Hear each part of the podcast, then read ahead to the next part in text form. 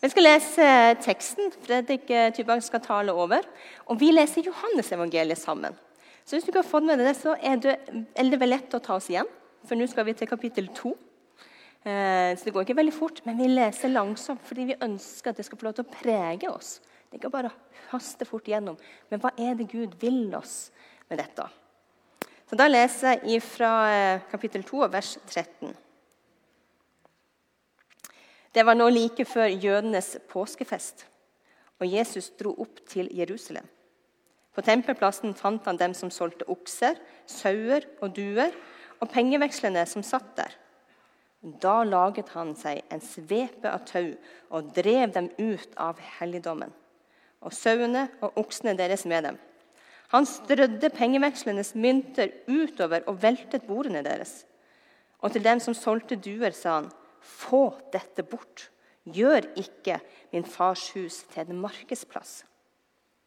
Disiplene hans husket at det står skrevet brennende iver for ditt hus skal fortære meg. Da tok jødene til orde og spurte ham, kan du vise oss et tegn på at du har rett til å gjøre dette? Jesus svarte dem, riv ned dette tempelet, og jeg skal reise det opp igjen på tre dager. I 46 år har de bygd på dette tempelet, og du ville reise det opp igjen på tre dager, sa de. Men det tempelet han talte om, var hans egen kropp. Da han var stått opp fra de døde, husket disiplene hans at han hadde sagt dette. Og de trodde Skriften og det ordet hadde sagt. Det ordet Jesus hadde sagt. Amen. Vær så god, Fredrik. Takk så mye, Maria og god formiddag, alle sammen. Er dere friske og raske? Jeg har hatt korona og er tett i trynet. Så hvis det blir mye sånn i dag, så må du ha meg unnskyldt. Jeg kan ikke stå og snyte meg på scenen. Men uh, vi, hele gjengen har vært igjennom, så uh, det virker som at alle skal igjennom. Så vi får bare stå i det.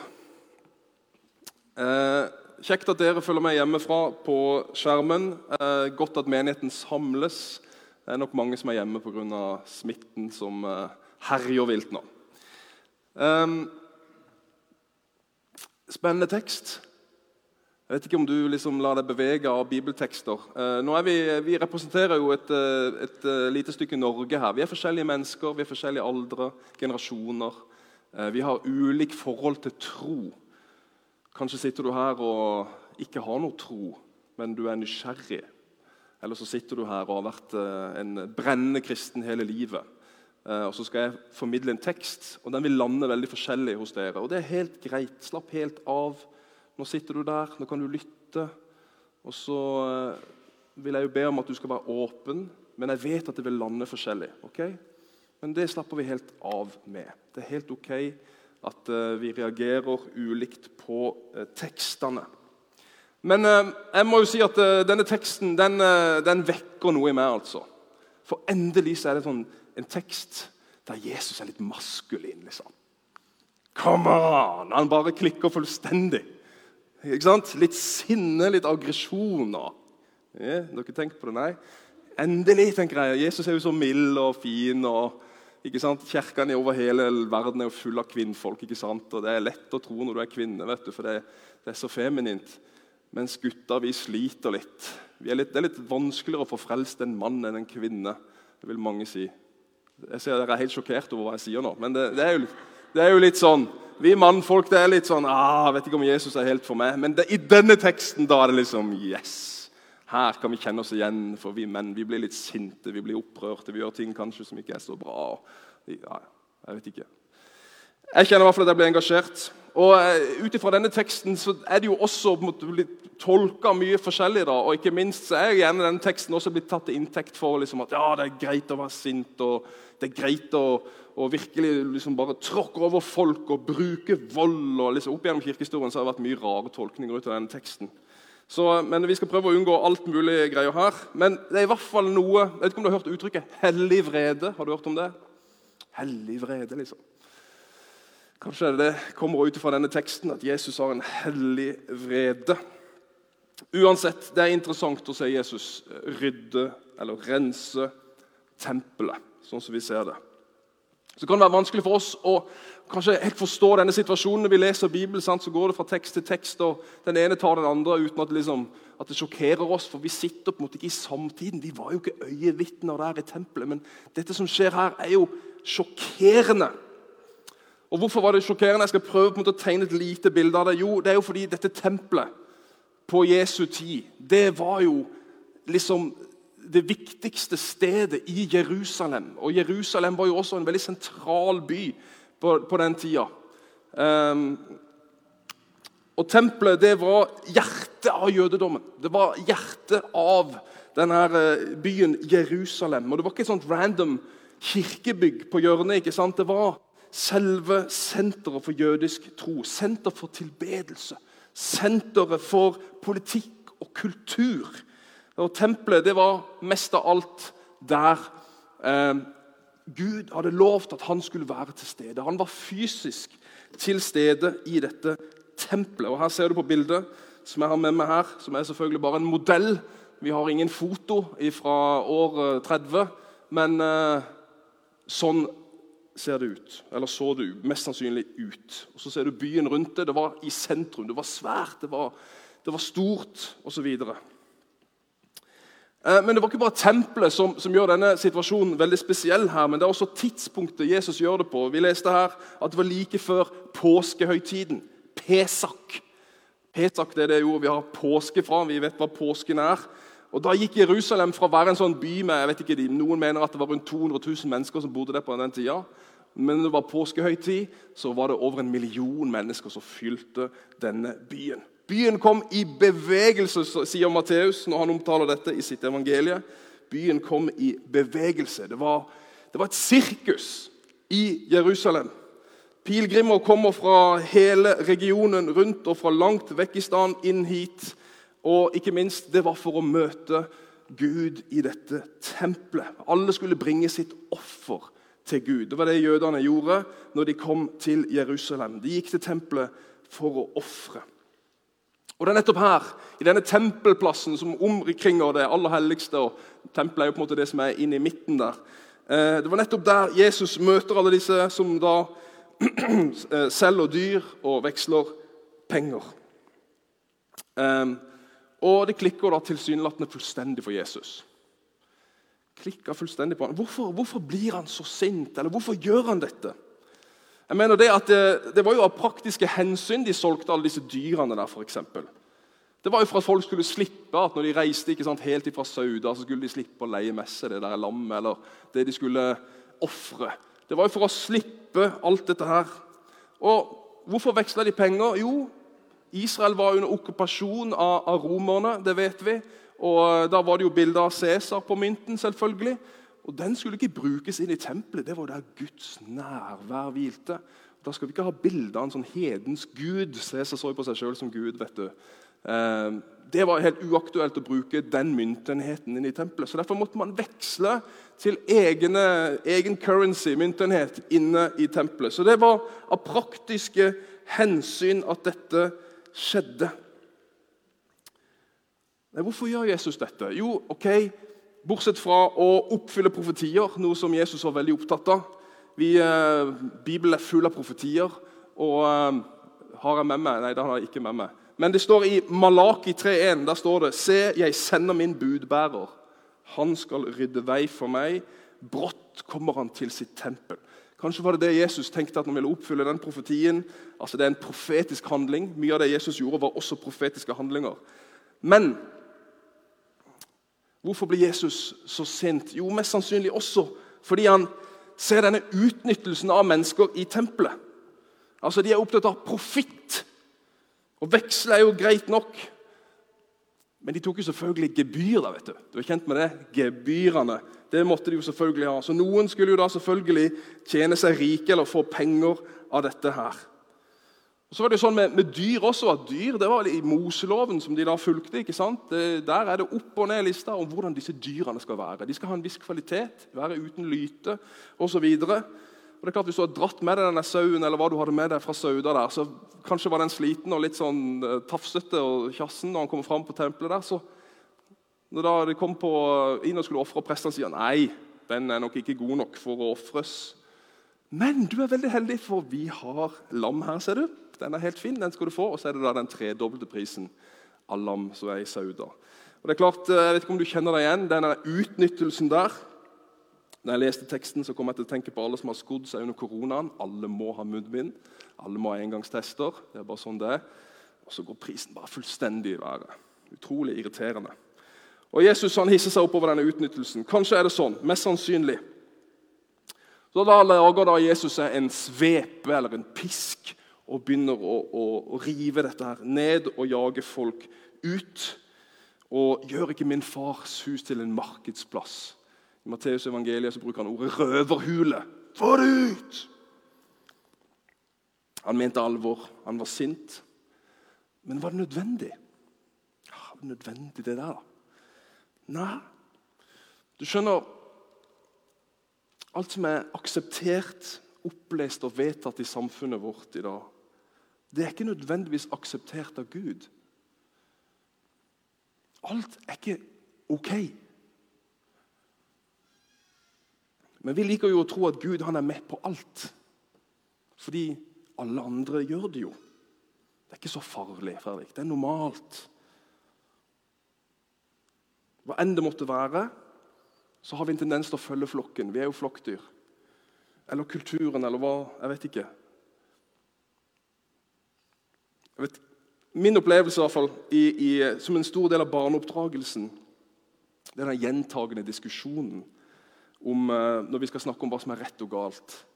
Så møter barna meg med Men pappa, alle gjør det jo. Det er jo greit. Det er jo bare sånn. Alle gjør det. Nei, det er ikke greit. Sånn tenker gjerne barn. Alle gjør det. Da kan jeg òg gjøre det. Så kanskje vi voksne kommer litt lenger, men så ligger det litt inni oss også. Alle gjør det jo. Da er det jo greit.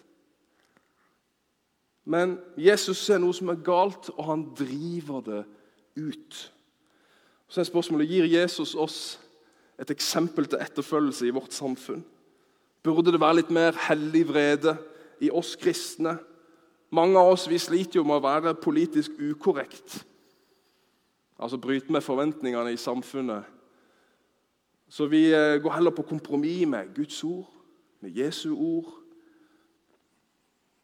Vi går heller på kompromiss med Han enn den politiske korrektheten i samfunnet. Det er litt sånn interessant, Hvilken tromme er det vi som kristne som kirke, hvilken tromme er det vi marsjerer etter? Er det det alle andre gjør, det samfunnet sier er ok, eller er det det Guds ord sier? Det er en interessant samtale, er det ikke det? Kanskje har vi kristne blitt for usynlige i samfunnet, i frykt for å være annerledes. Og jeg, blir, jeg lar meg utfordre av Sten Sørensen, min, min kollega i uh, Misjonskirken i Stavanger. Han er hovedpastor der nede, og han har skrevet denne boken her, 'Djerv tro', sammen med en rekke andre. Og Han skriver i innledningen til den boka vår drømmekirke skal være tiltrekkende på dagens mennesker. Den skal være aktuell, varm og hjertelig. Men den skal ikke være et haleheng etter dagens politiske korrekthet.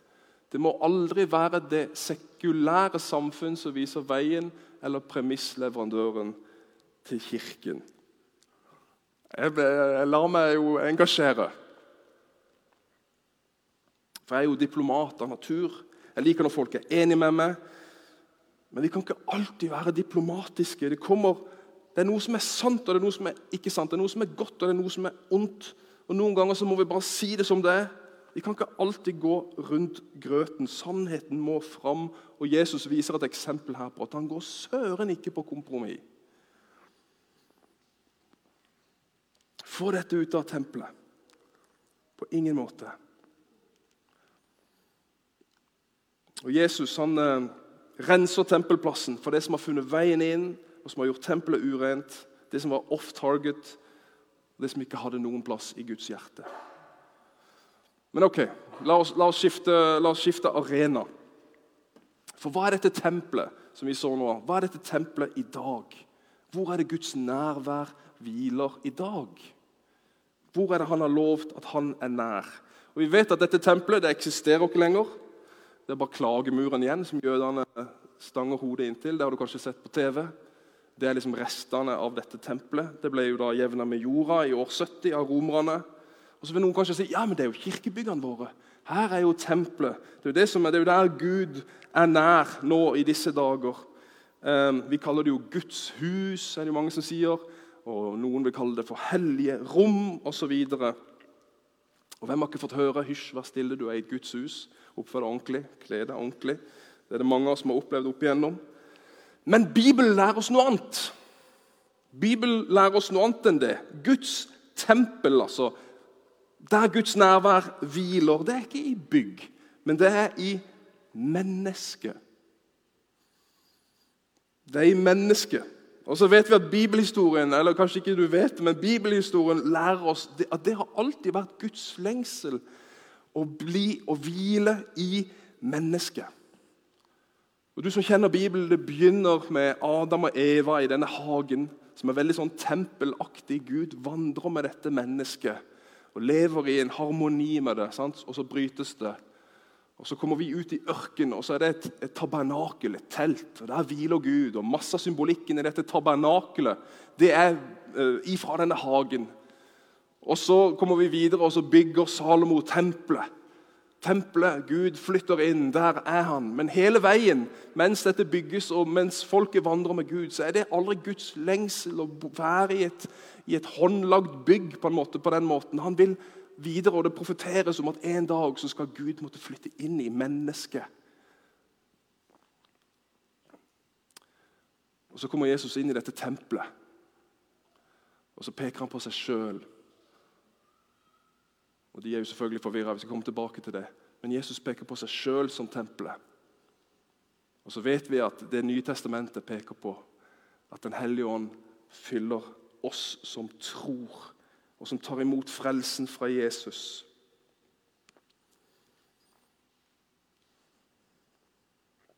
Så Derfor så dette bygget her det er der de hellige samles. altså Der de som er fylt av Gud, samles her. Det er ikke et hellig hus på i så måte. Det er du som er hellig. Det er forskjell på det. Guds landingsplass er ikke lenger i bygg, men i mennesker. Ja, Vi er glad i dette bygget. Vi skal ta vare på dette bygget. Det har en viktig funksjon. Men det som er enda viktigere, er du. Og hvordan det er med deg. Guds nærvær er her. Ikke fordi det er et hellig bygg, men det er fordi du er hellig. Du kan være et Guds tempel. Og hvordan, Det høres jo helt vilt ut, dette her, men det er sant. Første Korinterbrev 3 vet dere ikke at dere er Guds tempel, og at Guds ånd bor i dere. Uh. Wow! Det er jo helt utrolig at det går an. Og Det kunne vi ha snakka lenge om. Men dagens tema er at det tempelet du er, kan også bli urent. Gud må drive noe ut.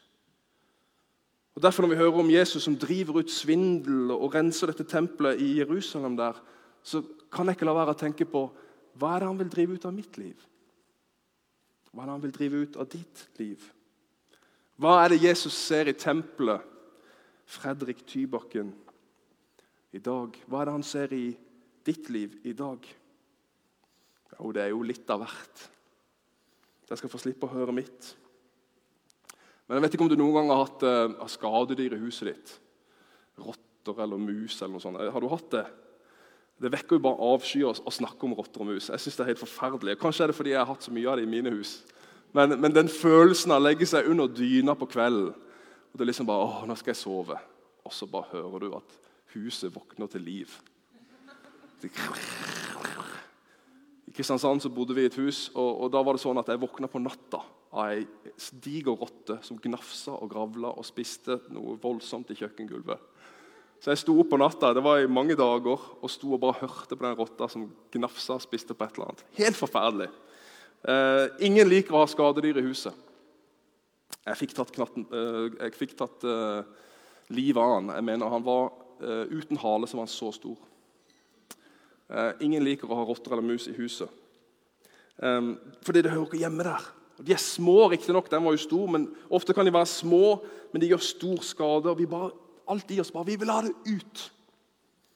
Og Når jeg leser denne teksten, så, så, så ser jeg på en måte en, en, eh, en, likhet her. For hva er det Gud, hva er det du vil drive ut av mitt liv? Hva er det som trengs å renses ut? Hva er det av dårlige vaner, tanker, handlinger som skader meg, og som skader mitt hjem og mitt hus, Mitt tempel, hvis du skjønner hva jeg mener. Ikke fordi Gud er sint og kommer med pisken liksom over meg, men, men, jeg vet at han vil drive ut det som hindrer meg i å leve det livet han har gitt meg. Og så er det jo sånn at Jesus går ikke alltid på akkord med tingene. Han har på en måte flytta inn i meg, og da er spørsmålet hva er, det, hva, hva er det som gror i mine vegger? Hva er det som lever der? Og jeg, jeg, tenker ikke sånn fordi Gud liksom, nå, Fredrik, nå skal jeg straffe deg fordi det er urent inni deg. Men hvordan kan jeg samarbeide med han? Hvordan kan jeg holde det rent? Det hadde jo vært mye enklere for han hvis jeg, hvis jeg samarbeider. Da er mitt spørsmål til deg Når sist hadde du en sånn selvransakelse, et oppgjør med ting i livet ditt? Når omvendte du deg fra synd i eget liv. Når jeg sier det, så er det noen av de som tenker å, herlig fred. Det er helt greit. Vi har ulik vandring med Gud. Men dette er noe veldig ordinær kristen praksis, sånn at dette har vært gjort siden eh, ja, Jesus og det står i Guds ord. Så hvis ikke du er kjent med det, så er det greit. Men hør når omvendte du deg fra synd sist? Bibelen sier at Den hellige ånd den overbeviser oss om synd i eget liv. Og Da er mitt spørsmål har han sagt noe til deg noen gang. Og hva har du gjort med det? Eller lytter du kanskje ikke etter? Du gjenkjenner det kanskje heller ikke. Eller mange av oss bare lærer oss å, å leve med disse her musene i veggene. Kanskje ikke vi klarer å gjøre noe med det. Jeg vet ikke hvor mange som kanskje sier «Nei, jeg blir aldri kvitt det uansett. Så vi bare, åh, vi bare lar det være der. Og så plager det oss. Men vi tenker nei, jeg klarer det aldri uansett. Jeg kan ikke gjøre noe med det. Gud kommer i hvert fall ikke til å gjøre noe med det. Eller er vi sånn at vi bare bryr oss ikke? Vi følger bare strømmen. sant? det livsbejaende samfunnet, det som er helt uten grenser. Det som lovpriser menneskets frihet og selvstendighet. Det ondes problem i oss det er liksom ah, Kom an, alle andre gjør det. Kanskje det er der du er. Men når bekjente du en synd sist? Eller har du noen gang gjort det? Denne teksten minner oss om at et tempel kan bli urent, og at det må renses. Og det minner meg om historiene fra Det gamle testamentet jeg vet ikke om du har lest det. Det er jo uh, mye lærdom i det. Men der uh, Gud uh, lover israelsfolket denne vandringen Han lover det, det, det lovede land. Han prøver å lede dem inn til dette nye landet de skal få innta. Og Når de endelig kommer inn dit etter enormt mange år i ørkenen, hva er det det første de må gjøre? De må rense ut. Og ja, De tekstene synes jeg er veldig vanskelige, for det innebærer jo på en måte kriger. og Det er, på en måte på, det, det er fryktelig vanskelig å forholde seg til det. Men hvis vi klarer å se det åndelige budskapet inn i vårt liv i dag, så ser vi denne viktigheten av lyde Gud og drive ut det urene i vår liv. For det som skjer Når israelittene reiser inn i det lovede land og de møter på andre folkeslag, og på alt mulig annet som er der inne, så er det fristelser, de finner sine egne eh, veier, de finner unnskyldninger, de lar seg prege av det som er der, osv. Og, så og Gud prøver å kalle på dem hele veien, men så klarer de det ikke. Så det er ikke sikkert vi tar synden på alvor i vårt eget liv. Og Kanskje noen er som tenker hva er synd? Liksom, ja. Hva er det? Ja, Da må vi inn i Guds ord, da må vi inn i Bibelen. Da må vi lese, da må vi søke Gud. da, det, det, er på en måte den kristne vandringen. det da. Bli kjent med Den hellige ånd osv. Leve i fellesskapet. kommer litt tilbake til det. Vers 17 og 18 vi er på vei gjennom en tekst her.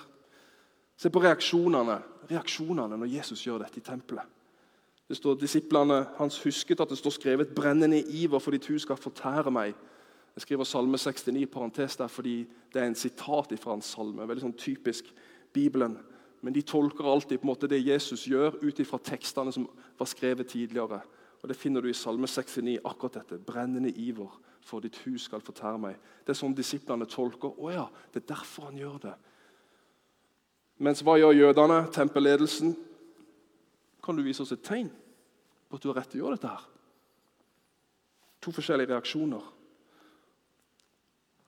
Og Når Gud peker på ting i livet vårt, så tenker jeg da bør vi reagere sånn som disiplene.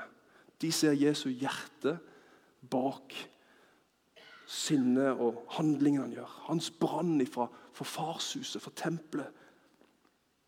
Og Når Jesus peker på ting i mitt liv, eller jeg ber han måtte se og lyse inn i mitt liv, så kan jeg ha denne samme holdningen som disiplene. At vi vet at hans hjerte er alltid er det som er best for oss. Jeg trenger ikke være redd for noe pisk. Han en, hans hjerte er for oss. Ha, og Han kom for at vi skal ha overflod og liv, sier han i Det nye testamentet. Så derfor Når han vil drive ut, når han vil rense ut, så er det fordi han ser at synden i mitt og ditt liv det gjør meg til en dårligere far. Ja, Det gjør meg til en utilgivende mor eller til en gnien kompis. eller Han ser synden ta gleden fra livet mitt. Synden suger ut kjærligheten fra livet mitt. Jesus ser alltid en brennende iver etter oss fordi han ønsker å tilgi, han ønsker å rense. Han ønsker at du skal ha et godt liv. Det er på en måte hans brann for oss. Du har kanskje lest lignelsen om den bortkomne sønn. Veldig populær lignelse, kanskje den mest populære vi har. Der ser vi Guds fars hjerte. I I en lengtende far etter sin sønn som har gått bort.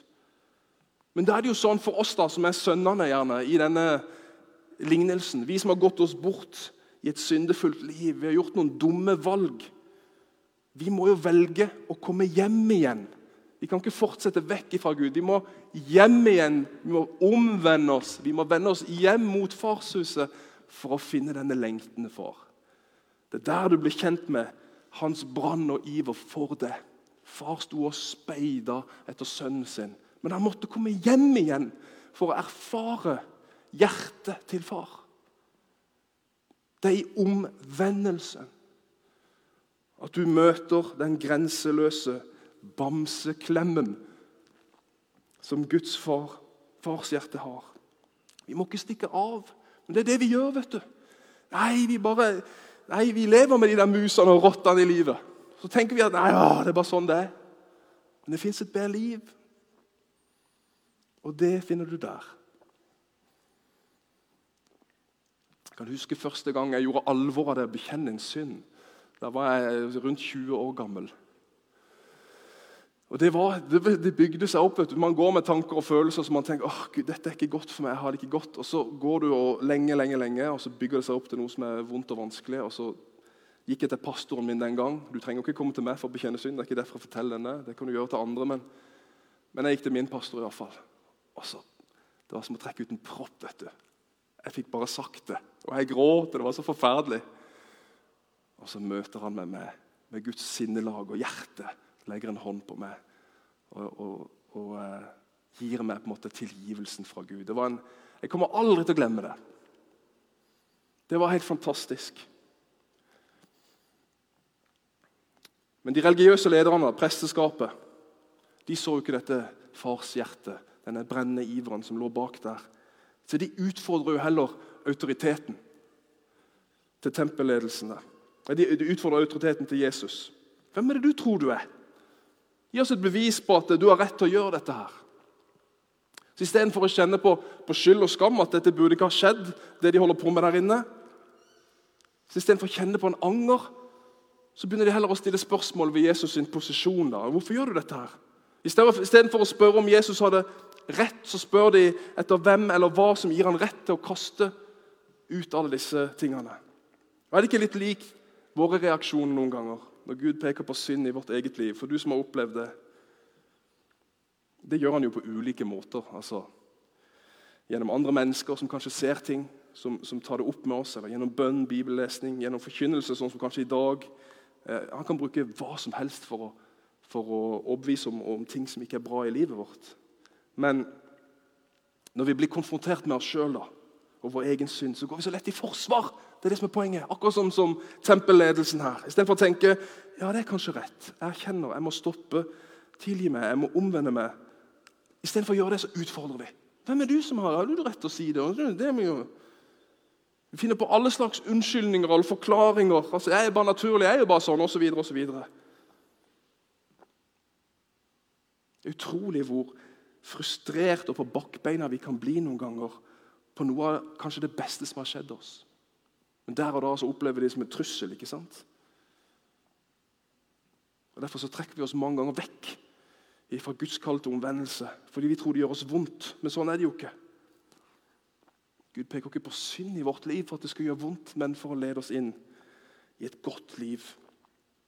Så hvis du ønsker å være en kristen som, som vokser, som lærer Gud mer å kjenne, som kan være dette tempelet hvor Guds nærvær bare flyter, for det kan du faktisk være Ja vel, da må vi leve i omvendelse. Da må vi leve i omvendelse.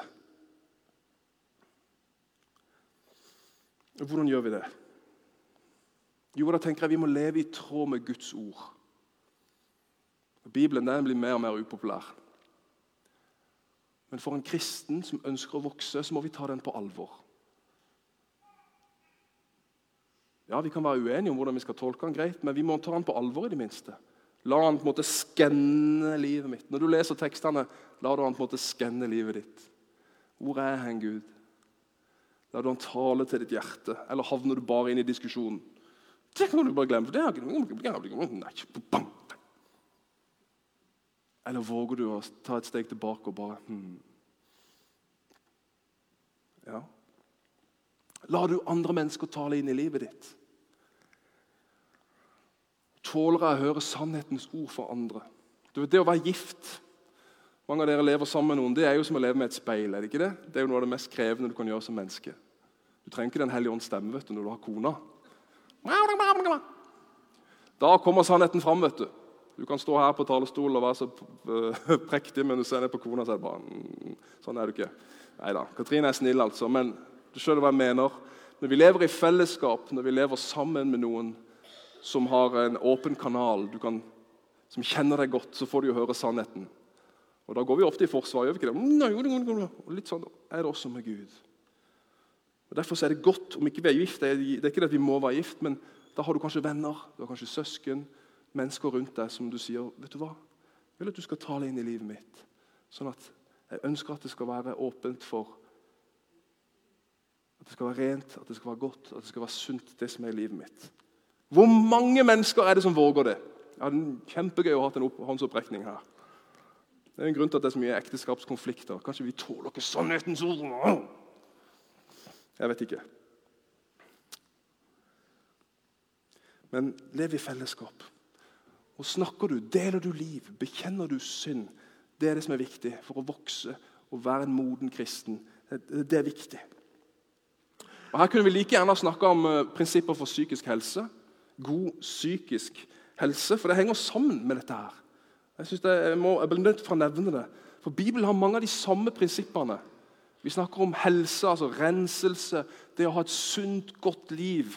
Det er selvfølgelig det samme som god psykisk helse. Men vi stoler ikke helt på de bibelske prinsippene. gjør vi? Nei, mange gjør nok ikke det, så vi løper heller til psykologen. Men du vet at Det koster mye, og det er et års ventetid. Men hvis du kommer til Guds ord og det kristne fellesskapet, det er, det er mye raskere og mye billigere. Skal vi ikke gå til psykolog, Fredrik? Selvfølgelig skal du det. Kona mi er jo på veien der og studerer psykologi. Vi, vi er glad i psykologi. Men hvorfor ikke prøve begge deler? Vi tenker ikke at eh, at de bibelske prinsippene har med god psykisk helse å gjøre. Men det har de faktisk. Har du hørt dette bibelverset? Bekjenn da syndene for hverandre og be for hverandre, så dere kan bli helbredet. Det ligger så mye god synd, psykisk helse og legedom i det ordet der. Prinsipper for god psykisk helse. Snakk sant om livet ditt. This is me. Sånn har jeg det. Dette føler jeg på nå. Jeg har det ikke godt, eller jeg har det godt. Lev etter de bibelske verdier. Det sier jo ikke psykologen, men det sier pastoren. Kjempebra. Mye av den gode psykologien stammer fra, fra Guds ord. Beveg deg i Guds natur. Det, det syns jeg er fantastisk. God, vi må bevege oss, folkens. Men altså be for og med hverandre. Jeg tenker at, eh, Nå er jo ikke jeg noen psykolog, da, så du kan jo heller gå hjem og lese KK og Allers og, og lese de spaltene der. Da. Men jeg tror at du finner mye av det samme uansett hvor du leser be for og med hverandre. Så ønsker du å være en kristen som modnes, som vokser, så søk en iver. Iveren for Guds tempel, sånn som Jesus hadde. Romerne 12, Vær ikke lunkne, men ivrige ved brennen i ånden. Tjen Herren. Den er brannen og iveren som Jesus hadde for dette tempelet, det kan vi også ha. Jesus, men Jesus hadde ikke den brannen og iveren fordi det var Herodes i og Det var så stort og det var så flott, og de hadde fin marmor der, og det var gullysestaker der. Og det var ikke den brannen. Det var ikke derfor. Nei, Brannen var fordi det var min fars hus. Det var det Jesus brant for. Det er min fars hus. Og Det er jo et viktig prinsipp også tenker jeg, for oss. Jo mer vi er overbevist om at jeg er et tempel for Gud, jeg har tatt imot nåden og frelsen fra Jesus. Den hellige ånd flytter inn. Det er en fantastisk anbefaler for alle. En, et tempel for Den hellige ånd. Guds nærvær og Guds rike kan flyte gjennom mitt liv som et enkelt menneske. Yes, Men det er fantastisk.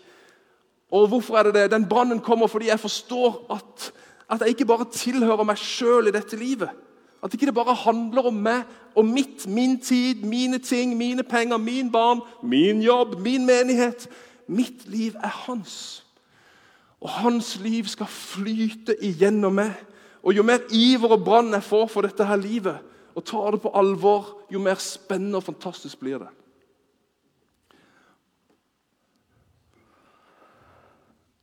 Vet dere ikke at kroppen deres er et tempel for Den hellige ånd som bor i dere, og som er fra Gud? Dere tilhører ikke lenger dere selv, dere er kjøpt og prisen betalt, brukt av kroppen til Guds ære. Så å vokse som kristen der altså beveger seg mer og mer fra tanken om at alt er mitt, og det er min kropp, og jeg kan gjøre hva jeg vil med det, til at nei, alt er hans. Alt er hans, og jeg vil la han gjøre det han ønsker å gjøre i mitt liv. Det er veksten i Guds rike. Ja, det er ikke enkelt, det har jeg ikke sagt det heller. Men sånn er det. Så hvordan er det med din brann og din iver for Gud? Og Jesus avslutter dette avsnittet nå går jeg mot slutten. Jesus avslutter dette avsnittet i Johannes 2 med å peke på seg sjøl som tempelet. Riv dette tempelet ned, og jeg skal bygge det opp igjen på tre dager. sant? Og Alle tenker bare 'Goodness, for en cocky type du er. er du helt dust, eller?' 46 år har de holdt på med dette her. sant? Og jeg, Vi må jo bare gi dem det at det, vi, hadde, vi, hadde, gjort det samme sjøl. Vi hadde tenkt 'Du er helt loony'. Eh, fordi du kan ikke si noe sånn. Men det er lettere for oss som vet hvordan boken Johannes skriver, eh, ender. da. Vi vet hvordan dette ender, så det er lettere for oss å forstå hva han faktisk tenker her. Han peker på seg sjøl. Tempelet, ja, hele bibelhistorien peker på én ting. Jesus Kristus på et kors. Hele Bibelen peker på Jesus på korset. En frelsende Gud med ett mål for øyet å fri oss mennesker fra forfallet. Å gjøre mennesket til det det var skapt for.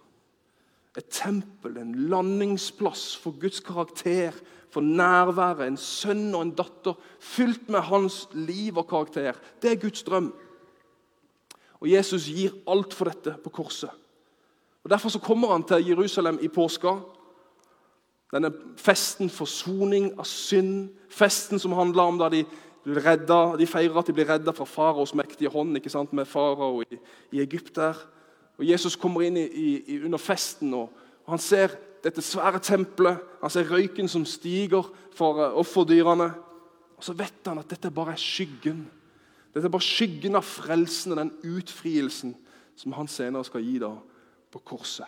Og Den samme iveren, det er poenget. Den samme iveren, den har han for meg og deg. Om vi bare kunne forstå det, at han identifiserer seg med oss. Han ofra alt for at alle mus og rotter skulle gå i ditt liv. Han ofrer alt for at du skal ha liv og overflod. Men så vet vi Vi topper statistikken på, på, på dårlig psykisk helse i Europa. Vi har så mye problemer. Vi, så, vi er så knytta, og vi har det så vanskelig.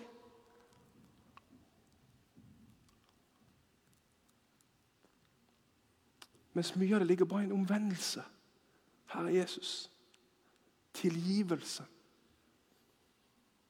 Lærer du barna dine å be om tilgivelse? Det er nesten på vei ut det nå i samfunnet vårt. Det er så viktig. Men tanken er Gud ga alt for det. Og du kan få gjøre som den bortkomne sønn. Komme hjem og få grunnleggende tilgivelse. Kjærlighet. Det er det vi trenger, er det ikke det? Det er det Jesus brenner seg for når han kommer der, for at han en dag skal få sette oss fri. Men hva gjør du med det? Skal vi be sammen. Herre, takk for ordet ditt. Takk for brannen din. For oss.